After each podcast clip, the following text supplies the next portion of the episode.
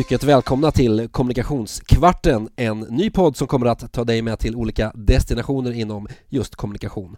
Och då kan det handla om PR, sociala medier, Investor Relations, marknadsföring, intern kommunikation eller annat där vi har ett utbyte av information och åsikter mellan människor i olika former och i olika kanaler.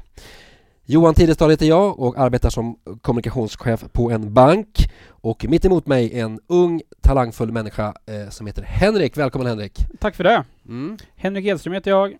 Jag vet inte om jag är speciellt talangfull eller ung heller för, längre för den delen, men det jag vet är att jag har ett brinnande intresse för just kommunikation och jag har en vilja av att prata med resten av världen om just det intresset. Eh, och jag är PR-chef på en bank. Du har du kommit rätt med vän, för här ska du få prata om det som du är intresserad utav. Och vi ska säga någonting om vårt format här till att börja med. Vi kommer inte bjuda på långa intervjuer med kommunikationsdirektörer eller eh, marknadschefer. Vi kommer inte heller lägga ut texten på egen hand i onödan. Nej, vår idé är att på 15 minuter varje vecka göra en analys eller en genomgång av ett specifikt ämne och bjuda dig på ett antal användbara tips. Ibland gör vi det själva och ibland tillsammans med en gäst. Vi tror att du som lyssnar vill synas eller vill få andra att synas, att du arbetar med kommunikation eller bara är intresserad utav ämnet. Just det, 15 minuter är vår grej. Mm. Eh, och det här är podden du kan lyssna på när du är på väg till jobbet, i sängen innan du somnar, mm. i sängen när du har vaknat, på kafferasten, mm. eller kanske till och med på toaletten när du slår dig ner där efter en lång arbetsdag. Du, ska helt enkelt, du ska helt enkelt inte tveka innan du drar igång våran podd. Det är lättlyssnat, det är komprimerat, det ska vara bra tempo och förhoppningsvis lärorikt och intressant. Just det, och varje avsnitt kommer att ha ett huvudämne och vi vill gärna ha tips av er som lyssnar på vad vi ska prata om. Yes, men nu är det slut introducerat tycker jag. Ja. Nu drar vi igång veckans tema. Henrik, vad ska vi prata om i podden den här veckan? Vi ska prata om mediaträning och närmare bestämt hur sparar du 100 000 kronor genom att rigga din egna mediaträning? Intressant och lönsamt låter det som. Kan vi närma oss ämnet med att ringa in själva ordet mediaträning? Vad betyder det och varför ska man göra det? Jo, men mediaträning är just vad det låter som. Det är träning för att möta media eller för den delen analytiker eller medarbetare. Mm. Och det är så, har man inte varit på gymmet på ett tag så då blir man rostig. Eh, har man inte sprungit på ett tag så får man sämre kondition och det, det är samma sak eh, i relationen och, eh, bemöt, och att bemöta journalister. Mm. Det har ofta en negativ klang i medieträning eh, hos många som att man försöker gömma undan något. Är det din bild också? Nej, verkligen inte. Eh, alltså min bild är att man, man förbereder sig på att kommunicera någonting som har hänt, exempelvis ett kvartalsresultat, en ny produkt. Eh, och genom olika sorters förberedelser så som ex exempelvis mediaträning och budskapsträning kan man på ett bättre och mer tydligt sätt kommunicera det som har hänt. Du skjuter in ordet budskapsträning här. Vad betyder det? Skiljer det sig från mediaträningen? Eller? Budskapsträning för mig är mer ett sätt att eh, tydligt bestämma vilka saker man vill lyfta fram kring ett ämne, eh, vad man vill trycka på, vad, vad man verkligen vill fastnar hos eh, mottagaren. Mm. Och, och Ja, förlåt. Ja, nej, säga något här. Jag tänkte säga något, ja. Nej, men det bara, jag ville bara fortsätta med att mindre bolag, de behöver ofta i högre, i högre grad stöd ja. i hur man kan använda kommunikation till att sälja sina produkter och sitt varumärke. Ja.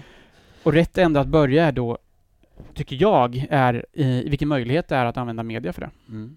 Och det finns olika sorters mediaträning. Det finns den reaktiva som bygger på att någonting har hänt, ofta negativt. Och det finns den proaktiva som kan vara både positiv och negativ. Du, du vill ju till exempel träna för att du kan komma att bli granskad. Du kanske till exempel verkar i en bransch som är ofta granskad. Och du vill också träna för att nå ut med ett positivt budskap kring dina tjänster och produkter i media istället för genom traditionell marknadsföring. Ja, och den, speciellt den positiva delen är värd att lyftas fram. Många gånger är ju redaktionellt utrymme både billigare och mer trovärdigt eh, än att köpa reklam. Mm. Så, att, så här har ju PR verkligen en fantastisk möjlighet att nå ut och knuffa sin affär i rätt riktning och man ökar sina chanser väsentligt om man tränar på ett bra sätt innan. Mycket bra. Och ska vi säga någonting om eh, attityden och inställningen man ska ha till eh, ja, media och mediaträning. Eh, tycker du, finns det ofta en överdriven rädsla tycker du och respekt för journalister? Alltså i, I mina tidigare roller så har jag ofta stött på en överdriven rädsla för journalister i olika organisationer. Eh, både när jag har jobbat eh, i större bolag och när jag varit konsult. Och, mm. och det här, den här rädslan är obefogad tycker jag. Har det kanske någonting med att göra eh, program som förpackar undersökande journalistik till tv-underhållning som Uppdrag granskning och Fuskbyggarna där människor blir ställda mot väggen med en kamera upptryckt i ansiktet? Ja, eh, det kan det vara, men man ska vara medveten om att journalister kan nå ut brett och man ska, man ska, jag tycker man ska se media som en möjlighet och inte som ett hot. Lite klyschigt, men det, det, är min inställning. Du har ju ett väldigt, väldigt klok saying kan man säga kring det här. Eller hur Henrik? Vill du inte delge mig och lyssnarna din vishet i det här avseendet? Jo, jo, men jag brukar ju predika när jag åker runt i folkparkerna. Ja. Nej, jag, jag, brukar predika att eh, man, man ska ha inställningen att istället för hjälp en journalist så kan man säga hjälp en journalist. Mm. Eh, och det är liksom diametralt olika inställning till förhållandet med media. Och jag tycker att just hjälp en journalist att nå ut med en bra historia och eh, eh, genom sakliga fakta eh, lyckas med det som journalisten vill nå ut med. Det tycker jag är den bästa inställningen. Mm. Okej Henrik, då har vi snackat lite grann om definitionen på mediaträning och den inställning man bör ha till media och till träningsmomentet. Nu är vi redo att börja medie mediaträna i praktiken. Hur gör, hur gör man då rent praktiskt när man ska komma igång med det här? Ja, alltså har man en duktig kommunikationsperson internt som själv är en van mediatalesperson så ser jag ingen anledning till att man ska betala en konsult för att sköta mediaträningen. Så att det första rådet är väl att anställ personer som själva varit utsatta för ett hårt mediatryck. Så har man med sig mycket lärdomar därifrån. Mm. Mycket bra. Och mycket mediaträning utgår ifrån att någonting negativt har hänt och att man är upptryckt mot väggen som mm. i Uppdrag granskning eller Fuskbyggarna för den delen. Mm. Och, men de flesta mediekontakter man har på många bolag är ofta i området neutrala till positiva och då tycker jag det är fel att man ofta utgår från ett worst case scenario eh, när man gör sin mediaträning. Mm. Så att, sen finns det också olika behov hos den, de som ska träna, så då måste man anpassa träningen efter det. Mm. Samtidigt så spelar erfarenheten in där också. Beroende på vilken erfarenhet man, erfarenhet man har så får man fokusera på mer eller mindre teori kring medias arbetsvillkor och drivkrafter och saker som det. Mm.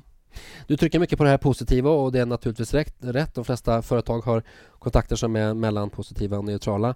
Men om vi ändå börjar och blir lite hands-on med det här scenariot, det negativa scenariot. Skulle du kunna säga att eh, lämpliga förberedelser hos mediatränarna är att Först och främst skriva frågor, förbereda sig som är kritiska och granskande till eh, det företag man arbetar, kanske till de produkter och tjänster man säljer. Eh, och de här frågorna kanske till och med har plockat upp felaktiga rykten om ett företag och överdrivit vissa händelser som måste bemötas. Eh, man bör förbereda sig genom att ta med en kamera, en inspelningskamera, videokamera eller telefon för att spela in intervjusituationen så att man kan titta på den efteråt och eh, agera rollspel där du som mediatränar eh, är intervjuare och den person som ska tränas är det så kallade intervjuoffret i citattecken. Man kör det här momentet och så tittar man på situationen tillsammans, den inspelade situationen och utvärderar.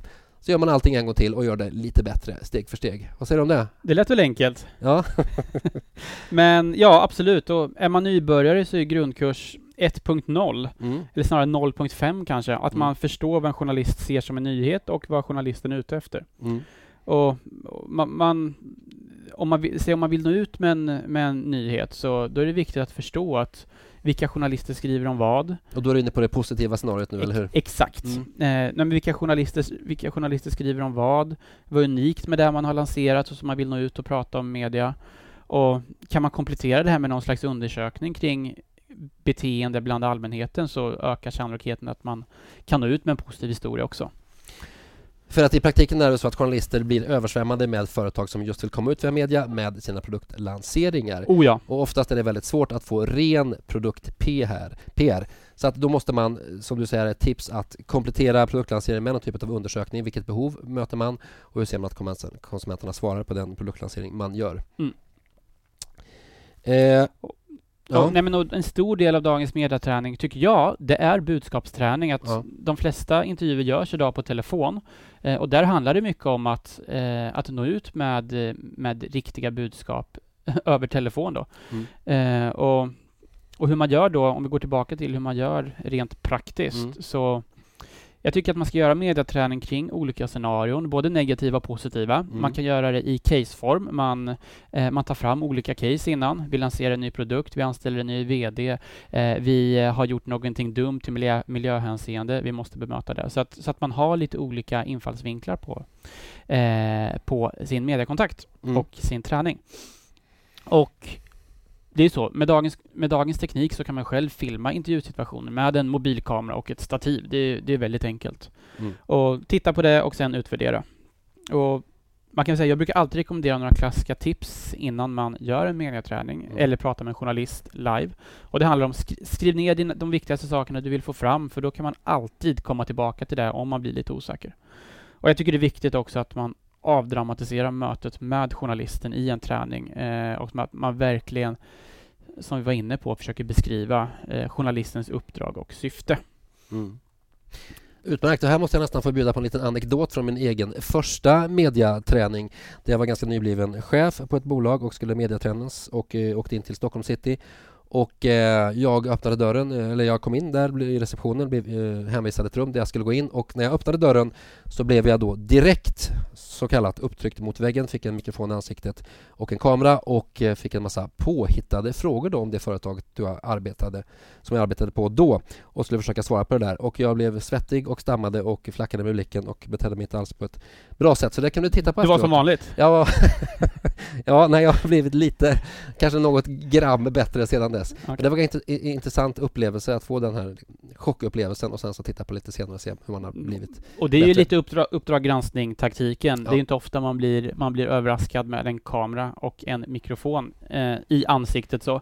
Så att eh, det fyller absolut sitt syfte, men jag tycker att man ska ha en balans i det där. Att det är många, många som har tjänat många kronor på att just vara ute och eh, prata om de här kriserna och de här överfallen av kameror och eh, mikrofoner. Och, ja. och det, man måste hitta en balans i det där. Ja, man, det du säger är att man kanske egentligen har det är mer vanligen förekommande att man vill komma ut proaktivt med ett positivt budskap och få genomslag än att man ska förbereda sig för att bli granskad av Janne Josefsson. För det är ganska ovanligt trots allt. Ja, eller att man har en expertroll och ska kommentera någonting som sker i din bransch eller sådär. Just det. Ska vi ändå nämna då krissituationen, vilket är förstås ett helt eget ämne, men eh, kan vi ändå nämna några liksom basala tips när det gäller att hantera media i en krissituation för ett företag? Det blir ju eh, de klassiska tipsen och som jag, eh, som jag verkligen omfamnar är om det blåser eh, så var tillgänglig och ha tillräckligt, ha tillräckligt med fakta innan du uttalar dig. Mm. Och det du ska absolut träna innan du, eh, om du känner att det är ett ämne som det kan, det kan blåsa upp till styv kuling, kanske till storm till och med, i värsta fall en orkan. Mm. Så träna så mycket du hinner innan du måste möta media och träna internt med en, med en motpart som, som agerar djävulens advokat och verkligen eh, ställer de svåra frågorna, för då, då blir du bättre förberedd när du sen ska möta media. Men och här är det också en krissituation. Det går ganska snabbt, så att det handlar ju om att ha en stor erfarenhet i organisationen av att hantera kriser, eh, av att, vara, att arbeta med kommunikation i kriser. För det kan handla om timmar i att du måste ta snabba beslut mm. och bestämma vilka budskap du ska fokusera på. Mm. Eh, så att eh, erfarenhet i organisationen kring kriser är någonting som man verkligen ska vara noggrann med som företag. Mm. Du Henrik, våran kvart börjar lida mot sitt slut här. Vi ska ta och sammanfatta det här passet av mediaträning genom några korta punkter. Eh, och vi kan väl säga att mediaträning gör du både proaktivt och reaktivt i såväl positivt som negativt syfte. Du gör det, tror vi, med fördel internt, åtminstone pröva själv innan du anlitar dyra konsulter. Det du behöver är eh, kritiska frågor förberedda för det negativa scenariot positivt förpackade och komprimerade budskap för det positiva scenariot. Du behöver en intervjuare eller en mediatränare vilket kan vara med fördel en intern kommunikatör på bolaget. Du behöver inspelningsutrustning och du behöver den personen som ska mediatränas. Yes. Och, och fokusera på de positiva sakerna i relationen med media och mm. försök att ha ett avslappnat förhållningssätt och se journalisten som en vän istället för fiende. Och var inte, som sagt, eh, fokusera på att även komma ut med proaktiva budskap och förklara hur, hur man bäst eh, förpackar en nyhet och kommer ut med den i, eh, i media. Det, det är jätteviktigt. Och ha koll på vilka journalister som skriver om vilka ämnen. Som sagt, eh, joggar du inte så får du sämre kondition. Det, det är samma med mediaträning. Mm. Träna kontinuerligt för att vara så bra förberedd som möjligt. Mm och skaffa kompetensen internt genom en vass kommunikationsperson så har du alltid möjlighet att få sparring och tips. Och då kan du spara betydligt mer än 100 000. Jättebra, vi rundar av där. Veckans avsnitt har handlat om hur du riggar din egen mediaträning och sparar 100 000 kronor. Följ oss på Twitter, hashtag kommunikationskvarten, så hörs vi snart igen. Tack för idag. Ha det gott, hej!